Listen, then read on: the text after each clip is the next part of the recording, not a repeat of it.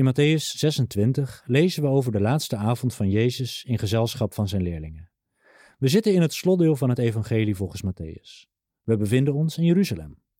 Een dag eerder is Jezus tijdens de avondmaaltijd gezalfd door een vrouw met kostbare olie en Judas is naar de hoge priesters gegaan met het plan om Jezus uit te leveren. Nu is het de dag van het Pesachmaal. De leerlingen hebben de maaltijd bereid en ze liggen aan met elkaar. Maar van een feeststemming is geen sprake, want Jezus heeft zojuist hardop gezegd dat een van zijn leerlingen hem zou uitleveren. Een groot tumult en verwarring. Ik ben het toch niet? Waarin het de meesten waarschijnlijk ontgaat dat Jezus subtiel Judas aanwijst. Op dit dieptepunt begint de tekst waar ik iets meer over wil vertellen. Dit is wat we lezen.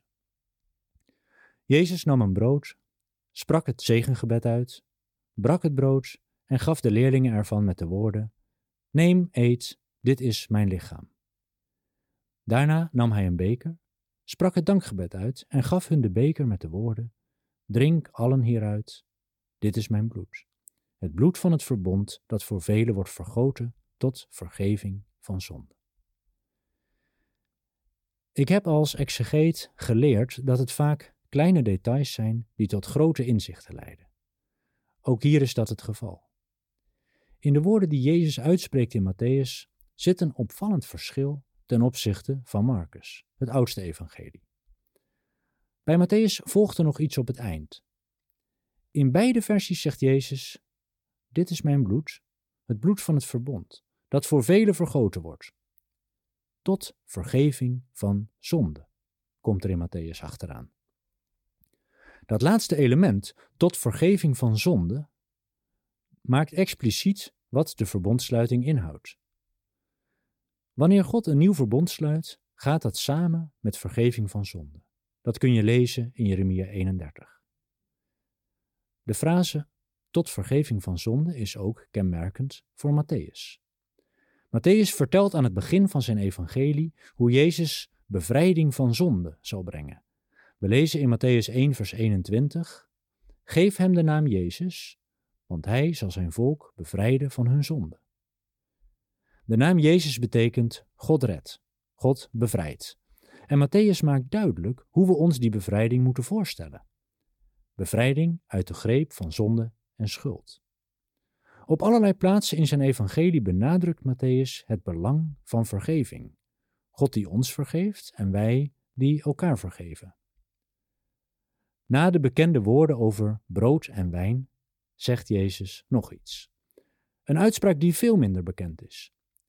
Ik zeg jullie, vanaf nu zal ik niet meer van de vrucht van de wijnstok drinken, tot de dag dat ik er met jullie opnieuw van zal drinken in het koninkrijk van mijn vader.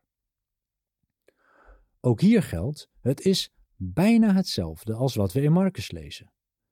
Matthäus volgt de weergave van Marcus op de voet, maar met één cruciaal verschil. De woorden met jullie staan er nu bij. Die staan niet in Marcus. En daarmee krijgt deze uitspraak een nieuwe diepte. Tot de dag dat ik er met jullie opnieuw van zal drinken in het koninkrijk. Die woorden met jullie komen terug in de laatste zin van het evangelie volgens Matthäus, waar Jezus zijn leerlingen voorhoudt: Ik ben met jullie, alle dagen tot aan de voltooiing van deze wereld. En dat doet weer denken aan die andere, bijzondere naam van Jezus, die in Matthäus 1 naar voren wordt gebracht. Immanuel. God is met ons. God is bij ons. Dit motief van samen met jullie of met jullie zijn drukt de blijvende verbondenheid van Jezus met zijn leerlingen uit. Zo zien we in deze avondmaalstekst twee grote thema's uit het evangelie oplichten. De redding die Jezus brengt als bevrijding van de zonde, met vergeving als centraal element, en de gedachte dat Jezus als Immanuel, God met ons, een blijvende, onverbrekelijke band aangaat met zijn volgelingen, die leven en dood overstijgt. Er valt over de avondmaalstekst in Matthäus nog veel meer te vertellen. In het verdiepende materiaal op debijbel.nl kun je de verschillende betekenislagen ontdekken in Jezus' woorden bij de maaltijd. En je leest er ook meer over het thema trouw en verloochening. Dat is namelijk waar het directe vervolg van onze tekst over gaat. Jezus en zijn leerlingen beëindigen de maaltijd en vertrekken naar de olijfberg. Onderweg vertelt Jezus dat de hele groep die nacht uiteen zal vallen. Hij citeert Zacharia 13 vers 7. Ik zal de herder doden en de schapen van zijn kudde zullen uiteengedreven worden. De leerlingen zullen ten val komen. En de gevangenneming en dood van Jezus vormt het struikelblok. Het valt mij op dat er op deze manier, vlak achter elkaar, twee beelden van het lijden en sterven van Jezus gepresenteerd worden, als twee tegenpolen. Eerst is er het avondmaal, met Jezus dood als samenbindende factor. Dan het citaat uit Zacharia, Jezus dood als struikelblok en het uiteenvallen van de groep.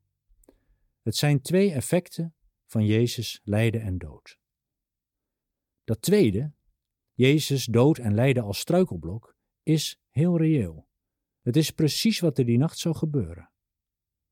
Maar het eerste, Jezus dood als samenbindende factor, is toch het beslissende. Hoe kan dat? Omdat we uit de avondmaalswoorden leren dat Jezus dood iets onomkeerbaars teweeg brengt. Dat met Jezus bloed een nieuw verbond bekrachtigd wordt, dat vergeving van zonde brengt, is niet voor even, maar voor goed. De macht van het kwaad is gebroken en mensen kunnen dankzij Jezus een, in een nieuwe relatie tot God staan en tot elkaar.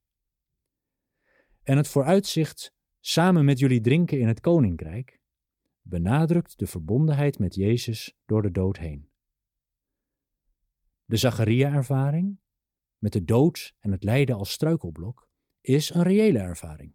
Het is niet dat de leerlingen bovengemiddeld zwak of angstig zijn. Het is simpelweg een menselijke reactie.